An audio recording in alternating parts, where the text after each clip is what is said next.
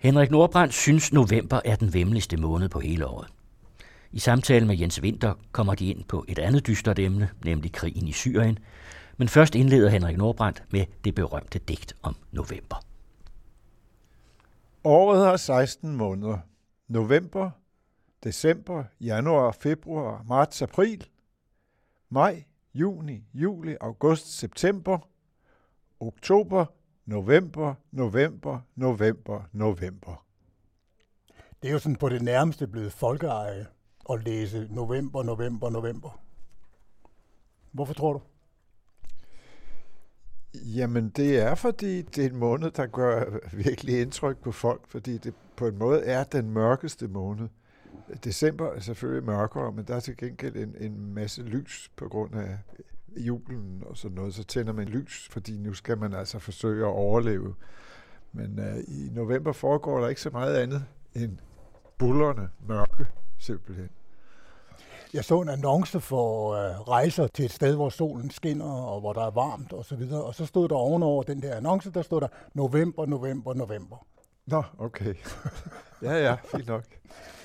Hvorfor er den måned så forfærdelig for dig? Altså, at den har kvalificeret sig til at Jamen, blive... det tror jeg, den er, den, den er forfærdelig for rigtig mange mennesker. Det er jo ikke kun for mig. Jamen, det er fordi, den er så mørk. Der er ikke rigtig noget at se på længere. Altså, bladene er faldet af træerne. Det er sjældent, der kommer en solstråle. Og øh, der, der er ikke rigtig noget. Der er ikke noget, der lyser op. Nu taler jeg om november her i landet. Ikke? Jo, jo. Altså, så er, der, så er der jo andre steder, hvor, hvor, hvor det ser lidt anderledes ud. Men i, i dette her land, hvor det er meget, meget mørkt i november, og der er heller ikke noget, som for, for eksempel nogle steder i Skandinavien, at der sne, der kan lyse lidt op eller sådan noget. Det er der heller ikke her, men det er bare mørkt, som, som selve jorden er mørk og fugtigt. Så Den måned, den har gjort så stort indtryk på dig, at du i 1986 udgav en hel dæksamling øh, om den måned. Den hed Håndens skælven i november. ja, Håndens skælven i november. Man ser det for sig, digteren med den skælvende hånd. ja, det skrev jeg i øvrigt i Spanien, hvor det ikke var særlig mørkt i november. Så du har snydt. Ja, Okay. Men for dig helt personligt, altså der er november en måned, som er mørk og trist og uendelig lang og ubehagelig. ja, så er det sagt. Hvor vil du helst tilbringe november? Hvor jeg helst vil tilbringe november? Ja. Ja. Jamen sådan i, øh, i Mellemamerika, tror jeg. Ja.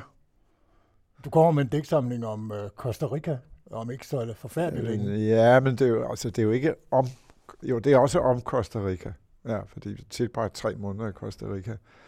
Men øh, det, det er mest om at være spærret inde i et fly og ikke kunne komme ud. Er det et andet mareridt? Ja, Og så være spærret ind i november, det må så være dobbelt. ja.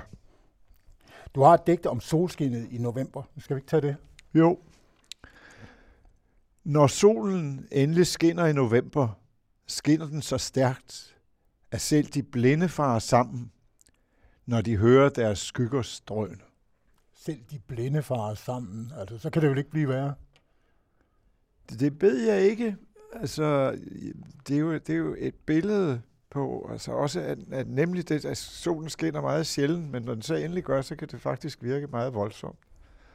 Men det er jo også en befrielse, når solen skinner i november. Pludselig så bliver man vækket, fordi man, man var sådan helt øh, overmandet af det her mørke, og knap nok kunne tænke. Pludselig øh, får man et chok, og er alligevel lidt i, i live trods alt. Så Du har fundet ud af, at du ikke har et eneste godt barndomsminde fra efteråret og vinteren. Nej, det kan jeg ikke huske, jeg har. Jeg har tænkt meget over det, men det kan jeg ikke huske. Alle mine gode barndomsminder, de har at gøre med forår og sommer. Du, du er god til at løbe på skøjter, for eksempel. Ja, men jeg synes samtidig, man synes, at det var enormt deprimerende at løbe rundt på is, fordi det var koldt og vemmeligt og hårdt, og som regel så lå der også sne. Jeg, jeg kunne heller ikke lide sne, fordi der er ikke nogen farver, der er kun, det, det var kun hvidt. Så, så selvom jeg elskede at løbe på skøjter, så synes jeg, at det var, det var meget deprimerende at være ude om vinteren. Hvordan tror du, det har påvirket dit liv? Altså, at, at du ikke har nogen barndomsminder, der er gode altså fra den tid? Jamen altså, jeg har andre barndomsminder, der er gode, så behøver jeg jo ikke at tænke på vinteren. Hvis jeg tænker på min barndom, så kan jeg jo tænke på Jamen, andre det er jo ting. halvdelen af året. Ja, men det er, jo, det er jo bare væk, altså. Det er bare væk? Ja. Okay. Vi skal høre et uh, digt mere om novembers uh, håbløshed. November som bly på formløse forme af blyfarvet gips. Nogen forsamler sig om tomme brønde. Andre klatrer op af høje stiger, af uoverstigelige mure. Kun solen er den sidst afdøde grav. Det er ikke ligefrem sådan den hemmingsløse optimisme, der lyser ud af det. Nej, det er det ikke. Og det, det skulle det heller ikke være. Altså, når man skriver om sådan noget som, som november, altså noget, som man hader, så gør man det jo for at, at forløse nogle ting. Og, og finde, også finde nogle punkter, som kan øh, finde et lille lys her og der. Og det synes jeg også, jeg har forsøgt at gøre i de her digte. Samtidig med, at de parodierer en masse ting og gør grin med det. Så de, de er jo digtene i, i hånden skælven i, skælven i november er jo meget forskellige. Ja, ja, mange af dem har stor humor bygget ja. ind. Er det måden at sådan holde det ud i strakt arm? Jamen, det er det i hvert fald for mig. Er det det, der kan formidle øh, din holdning øh, til november? Jamen, altså, det er jo det, man gør. Altså, ved at skrive om, om ting, som man synes er forfærdelige. Altså, der, der, der, der prøver man at, at, at forløse nogle ting, og, og åbne nogle synsvinkler, der gør, at det alligevel ser måske lidt opmuntrende ud, eller, man, eller også gør man det, at man kan, man kan grine af det, og det er jo, det er jo også en, en forløsning at grine. Så altså, det er det, jeg har prøvet at gøre i de her digte. Og selvfølgelig med, med, med det håb, at andre, der læste dem, kunne komme ind i den samme øh, atmosfære, eller ja. opleve de samme ting, som, som jeg gjorde, da jeg sad og skrev dem. Da et af dækkene fra hånden skælve i november, der, der har jeg nu altid øh, grinet meget, når jeg læste det. Vil du ikke læse det op om diktatoren? Nå jo. November er i sandhed mørkets måned.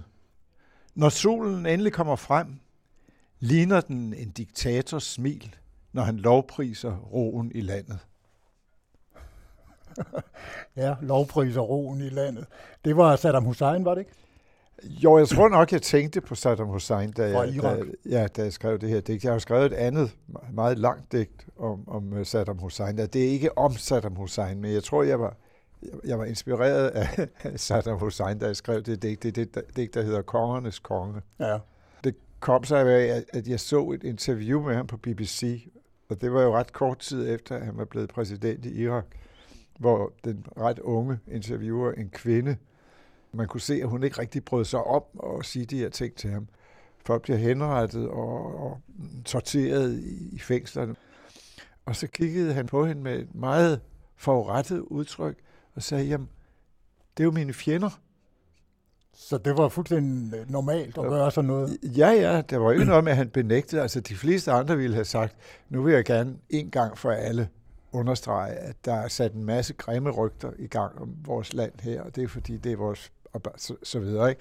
Men nej, nej, han følte ikke trang til at, at benægte, at øh, folk blev sorteret ihjel. Vi skal, lige, vi skal lige høre et lille uddrag af, fra Kongernes Konge, som er med i bogen. Ja, det er det første indledning til Kongernes Konge. Så længe som denne sætning varede min magt. Jeg husker ikke på hvilket sprog de hyldede mig som kongernes konge, eller hvorfor de holdt op. Jeg oversætter min magt til dette. I kan vælge mellem mig og kronen. Tag guldet ud af mine tænder og smaraterne ud af guldet. I kan kugle mig ned, om I vil. Der, hvor min magt var, kan I ikke bøje et strå. Grunden til, at digtet om øh, diktatorens smil og, og, og når han hylder øh, freden i landet. Og så det her digt om kongernes konge er så sørgeligt aktuelt lige nu. Det er jo på grund af islamisk stat, og på grund af, at Irak er ved at falde fuldstændig fra hinanden, ikke? Jo. Hvorfor sker det?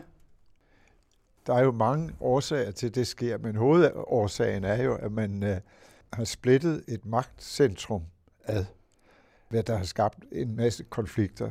Der er sket et, et magttomrum, som så bliver øh, udfyldt af forskellige grupper, der bekæmper hinanden. Altså, man havde jo ikke lagt en, en strategi for, hvad der skulle ske efter, at Saddam Hussein var blevet fjernet. Så det er klart, at der, der måtte ske dramatiske og meget uforudsigelige ting, når man, når man gør sådan noget. Man kan ikke bare slå noget i stykker, uden at sikre sig, at det skal genopbygges på. Man må have en plan for genopbygning, ellers, ellers går det ikke. Jamen, så det næste spørgsmål, der så melder sig, det er, skulle man have gjort det samme i Bagdad, som man nu er ved at gøre i Damaskus i Syrien, nemlig at beholde diktatoren? Det er jo en meget, altså, det er det, en meget, meget mærkværdig situation, der er ved at opstå. Det er en meget, meget mærkværdig situation, der er ved at opstå. Det er rigtigt nok. Hvad man skulle have gjort, det kan jeg selvfølgelig ikke sige, men man burde have tænkt sig meget, meget, meget godt om, inden man gik ind og væltede Saddam Hussein. Og øh, man havde jo accepteret Saddam Hussein i, i mange år, og accepteret, at man havde en blodig diktator siddende der, uden at gøre noget, fordi man kunne bruge ham også. Og så pludselig så kunne man ikke bruge ham længere, eller han var blevet en torn i øjet på Vesten, og så fjernede man ham, uden at have en plan for det næste, der skulle ske. Og man, man burde jo have været klar over, at fordi grænserne var trukket ret øh, tilfældigt, og der altid af den grund har været konflikter i, i hele perioden efter Første Verdenskrig, der, der burde man jo have vidst, at det var et særdeles øh, uroligt område, man gjorde indgreb i, og øh, at, at det var meget, meget farligt at opløse de der magtstrukturer. Og er det derfor, man nu holder sig tilbage i Syrien? Jamen, det er klart, man, man ved, det ser ud som om, man ikke rigtig ved, hvad, hvad, hvad, man, hvad man skal gøre. Øh, skal man, skal man lade Assad sidde? Det kan man jo ikke rigtig, det kan man jo ikke rigtig tillade sig. Øh, navnlig ikke efter, at man har øh, råbt op om, hvor forfærdelig en diktator øh, han er, øh, hvilket han jo rent faktisk er. Men øh, i øjeblikket ser det ud som om, at det, det bedst kunne betale sig og, og, og støtte ham, bare for at, at få, få skabt øh, en vis balance i området. Og det er jo det, der er så besværligt lige nu. Men man vidste jo også godt, at Saddam Hussein var en forfærdelig gal. Jævnfører din historie om BBC-journalisten, hvor han jo nærmest øh, forsøger at legitimere at øh, folkemord, på, eller på kanten af folkemord. Ja, ja, det, jamen det, er da, det er da fuldstændig rigtigt, men det jeg siger, det er, at man burde måske have fjernet ham mange, mange, mange år før, eller gøre noget for at fjerne ham. Men øh, det man vel så skulle have gjort, det var at støtte de folk i området, som var imod ham, i stedet for at, at gå ind med, med, med vestlige styrker og så vende en hel masse mennesker mod sig. Det, det er jo klart, når amerikanerne og andre vestlige styrker, de kommer og bomber folk, og deres børn øh, dør og så videre, så, så hader de dem. Så hader de Vesten på den måde. Ikke? Det er vel det, man gør nu. Det er det, man igen. gør nu. Man hader Vesten, ikke? eller mange hader Vesten. Mm. Ikke? Og det er jo det, der har givet næring til den der forfærdelige, ekstreme islamisme, som er så redselsfuld, at man næsten ikke kan forestille sig det. Hvor kommer de folk fra? Altså dem, der nu er øh, danner islamisk stat, som det hedder. Altså mange af dem, der kommer, det er jo unge mænd, som ikke har noget at arbejde, øh, som ikke har noget at foretage sig, som ikke har nogen øh, fremtidsudsigter, og, og som bliver lovet, at hvis de går ud og kæmper og dør for sagen, ikke, så kommer de i paradis, og det mærkværdigvis, så, så er der altså en del af dem, der tror på det. Der er sikkert også mange kyniske, der ikke tror på det, der bare synes, at det er sjovt. Ikke? Altså det er unge mænd i alderen fra, lad os sige, øh, 18 eller sådan noget til, til 28, ikke? Mm. som har en masse hormoner, de skal have brændt af. Ikke? Det har man jo set før i historien. Ikke? Altså, det er også noget, noget, noget, rent, noget rent biologisk. Ikke? Jo, jo, men, men vi taler jo ikke om 10.000 mennesker. Vi taler jo om mange, mange, mange, mange flere. Ja, ja, men nu, nu taler jeg om, om islamisk stat. Hvem ja. er det, der melder sig til islamisk mm. stat? Og så taler jeg om en gruppe, nemlig af unge mænd, som ikke har nogen fremtidsudsigter osv. Ikke? Men der, så er der selvfølgelig også, der er også unge mænd, der kommer fra lande som Danmark, hvor de uh, burde kunne klare sig. Uh, de anden generations indvandrere, og de har måske, nogle af dem, følt sig lidt uh, diskrimineret, etc., etc. Men, I forhold til vores størrelse, så skulle Danmark være et af de lande, der har ja, leveret flest ja, det skulle. Øh, folk til islamisk og, og hvis det er rigtigt, så må jeg sige, at det overrasker mig særdeles meget. Fordi jeg synes ikke, at man er så intolerant over for, for indvandrere i Danmark. Altså, som man er nogle andre steder. Det kan godt være, at man er mere tolerant i Sverige, men, men der er jo altså andre europæiske lande, hvor man er mindre tolerant over for indvandrere, end man er i Danmark. Så det, det, jeg har svært ved at der må, være, der må jo være et radikaliseret miljø. Jamen, det er der jo. Nogle steder. Ja, men der er blandt andet måske i Aarhus, jeg kan ikke huske, hvad den hedder, har man ja. gjort opmærksom på, ikke? Hvis vi nu vender tilbage til øh, diktatorerne, altså Saddam Hussein, som forsvandt, eller som blev henrettet, øh, og øh, Hafez Assad, som stadigvæk sidder i Damaskus, til trods for, at der har været borgerkrig nu i 3-4 år, og der er slået 100.000 øh, af mennesker ihjel. Det, der er galt med de der diktatorer, er det ikke, at de prøver, de, de vil ligne Mohammed, de, de... Jo, for, for Saddam Husseins vedkommende var, var, var det jo helt klart, at han gerne ville ligne Mohammed. Selvom han jo ikke, han var ikke særlig religiøs. Men altså, det, det sidder jo i, hvad skal man sige, den islamiske psyke, at man, man ser op til, Mohammed er det største menneske i verden selvfølgelig. Han var ikke guddommelig, han var profet, men det største menneske. Ikke? Men derfor, at hvad han gjorde, det er en slags idealer i den islamiske verden. Og han var jo altså ikke bare profet og stadholder, men også kriger. Så derfor er, er krigen og den hellige krig også et, et, et ideal, som så at sige alle arabiske ledere i tidens løb har prøvet at leve op til. Det gælder ikke bare Saddam Hussein, det gælder mange andre. Hvis man kan ligne Mohammed og føre en slags øh, hellig krig, så er det altså noget, som, som folk ser op til. Ikke?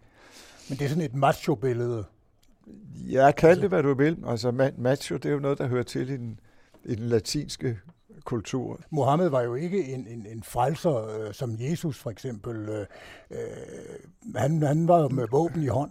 Jo, men han, han bliver også opfattet som en frelser. Han bliver opfattet som en frelser på den måde, at han, han, han frelste dem, der sluttede sig til ham for det, der hed Jahiliya, altså uvidenheden. Det var det, der før kom Mohammed. Ikke? Der op, der opstod en gylden tid. Mohammed påbegyndte den store tid, ikke? og derved frelste han muslimerne. Altså muslimerne føler sig frelst, altså netop ved at være blevet muslimer, og de frelser Mohammed på en måde. Ikke? Det er på en helt anden måde, end, end, end, øh, end Jesus gjorde det. Det er et helt andet billede, man har i islam, selvom der er så mange ligheder mellem kristendom og islam. Altså fordi Mohammed øh, var kriger, og så har mange muslimer, som, som øh, måske hader krig, svært ved at tage afstand fra ekstreme islamistiske bevægelser, fordi de hele tiden For så skal, så skal de tage afstand fra Koranen. Ja, det er netop derfor at tage afstand fra Koranen og, og, og billedet, man har af Mohammed som, som den ideelle, det ideelle menneske. Hvis vi lige vender tilbage til øh, det, du taler om omkring Irak, at man havde ikke en exit-strategi. Altså man havde ikke en strategi for, hvad man ville gøre, når man havde fået styrtet diktatoren. Mm, har man det nu, synes du? Nej, det har man ikke. Der er jo ikke nogen fast øh, strategi. Det, det gælder jo ikke bare amerikanerne, som har været førende, kan man sige. Men det gælder også alle de andre lande. Tyrkerne har ikke nogen strategi. Det lader de i hvert fald til. Eller rettere sagt, de skifter strategi øh, hele tiden. Øh, Erdogan erklærede, det var i begyndelsen af oktober, at Kobani var faldet, eller også var lige ved at falde. Han ville ikke hjælpe folk i Kobani. Og han erklærede, at, at øh, folkene i Kobani, det var det samme som dem, der kæmpede i, i is. Det var, det var den samme surdej. Øh, og så skiftede han pludselig mening, efter at Obama havde ringet til ham og så sagde han... Så han, blev, han fik besked på at skifte mening? Ja, og, og det, kom, det skrev så alle de tyrkiske aviser om, at han havde skiftet mening, fordi han var blevet ringet op af Obama. Og det benægtede han så og sagde, at det var ham, der havde foreslået en kursændring. Og da det så kom frem i pressen, så den næste dag, så kom der en skarp udmelding fra det hvide hus om, at det var Obama, der havde givet ordre til, til Erdogan. Men altså, når alt det her er sagt, så, så er der jo i øjeblikket til synlædende ikke nogen strategi. Fordi is er jo kun et problem. Der er jo masser af andre grupper. Der skal jo en helhedsløsning til. Nu, man fremstiller det som om, at hvis man bare nedkæmper is, hvad vi vil alle sammen ville være glade for, at man gør. Altså, jeg havde aldrig troet, at jeg skulle være så blodtørstig, som jeg, jeg er i øjeblikket, men altså, jeg så dem da gerne bombe sønder og sammen, det må jeg indrømme. At jeg nogensinde skulle få den slags tanker om nogen som helst, det overrasker mig selv. Ikke? Men jamen, de er så modbydelige, så jeg synes jo også, at de skal udryddes. Det er ikke nær sådan. Men du... det er jo ikke nok, fordi så, der står en hel masse andre grupper, som potentielt kan være lige så modbydelige. Du er for nylig kommet hjem fra et besøg i Tyrkiet. Ja. Jeg kan da egentlig et eller andet sted godt forstå, at tyrkerne er i en meget sådan mærkelig situation. Ikke? Altså Erdogan, han har jo også en eller anden form for islamisme, altså en eller anden form for vækkelse i forhold til islam. Ikke? Jo, jo. Og samtidig, så hans tidligere fjender PKK, altså fra kurderne, dem skal han nu være allieret med. Ja. Det er da umuligt at finde ud af. Ja, altså det, der er sket, det er jo, at Erdogan er jo begyndt at tilnærme sig kurderne, og for, har jo i overvis forhandlet med Öcalan, som er kurdernes, PKK's fængslede leder, men, men stadigvæk den næsten officielle repræsentant for PKK. Og de forhandlinger er gået for sig i overvis, og hvis de havde fundet en løsning, hvis de havde været lidt hurtigere til at finde en løsning, øh, så ville den her situation jo have set helt anderledes ud. Ikke? Altså PKK og Erdogan, altså den tyrkiske regering, burde have fundet en løsning for lang tid siden. Ikke?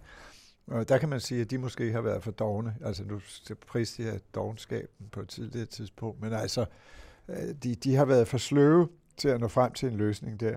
Og det gør, at de så lige nu står i denne her meget, meget vanskelige situation, hvor man gerne vil hjælpe Kobani, eller nogen i hvert fald. Altså byen på grænsen. Ja, på fordi man kan ikke, hvis Kobani falder, så vil der jo ske et, et folkemord. Ikke? Og øh, i så fald, så vil tyrkerne igen stå medansvarlige for et folkemord.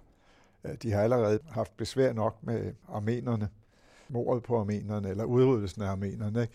Så situationen i Kobani, den minder mig om, øh, om Frans Werfels roman, De 40 dage på Musadar, som, øh, som skildrer en armensk by, der bliver omgivet af belejret af, af, af tyrkerne.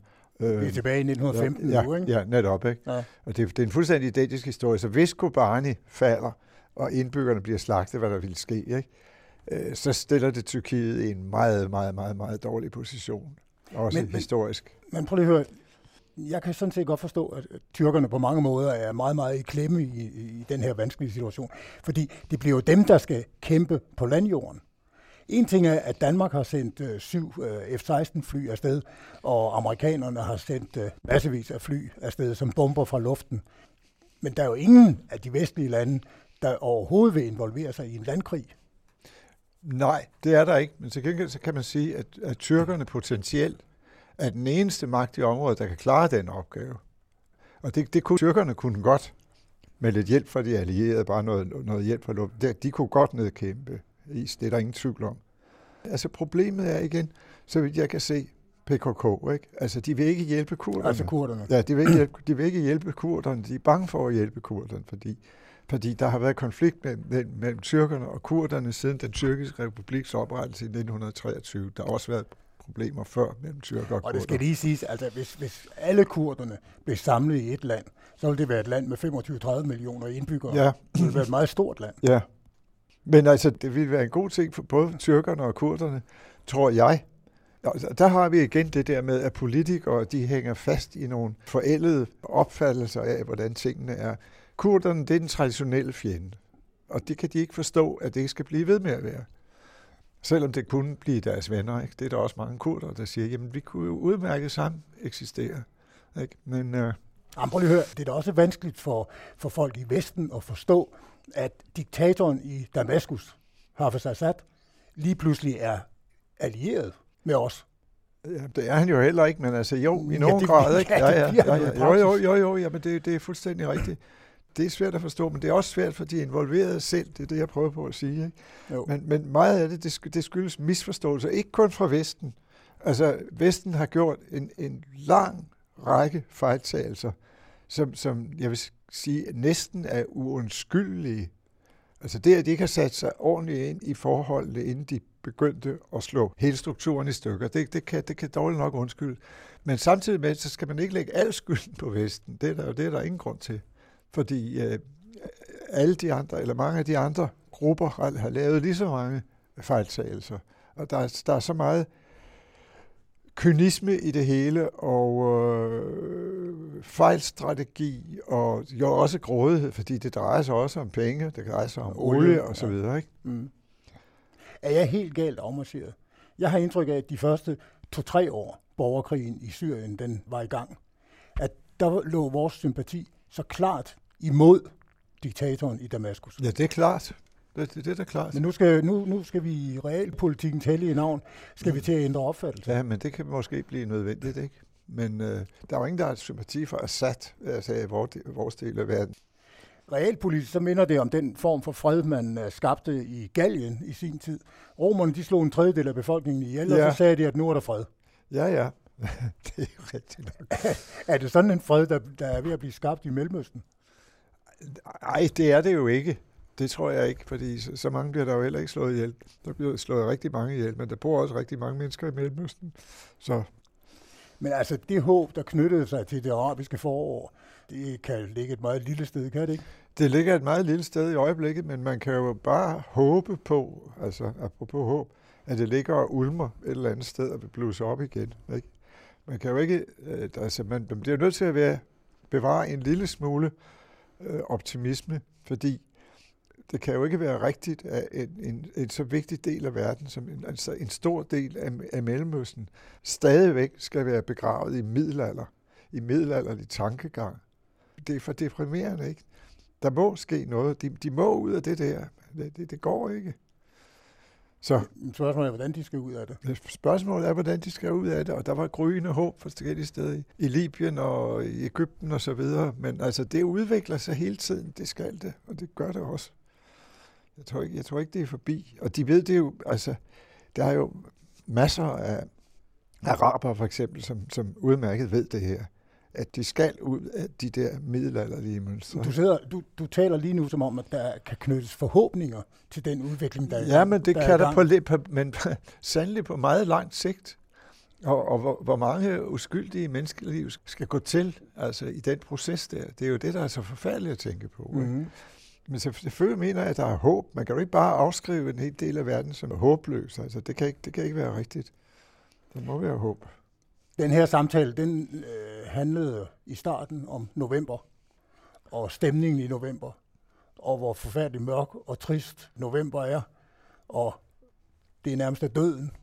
Og nu snakker vi så islamisk stat og Mellemøsten. De to emner, stemningsmæssigt hører de jo meget godt sammen. Ja, det gør de jo. Desværre. Ja. Skal vi ikke tage et lille novemberdæk til, til sidst? Jo. Under novembermørket ligger landet. Under landet ligger de døde. Som landet ligger, mangler en del af dem hovedet, og ligner deri landets herskere.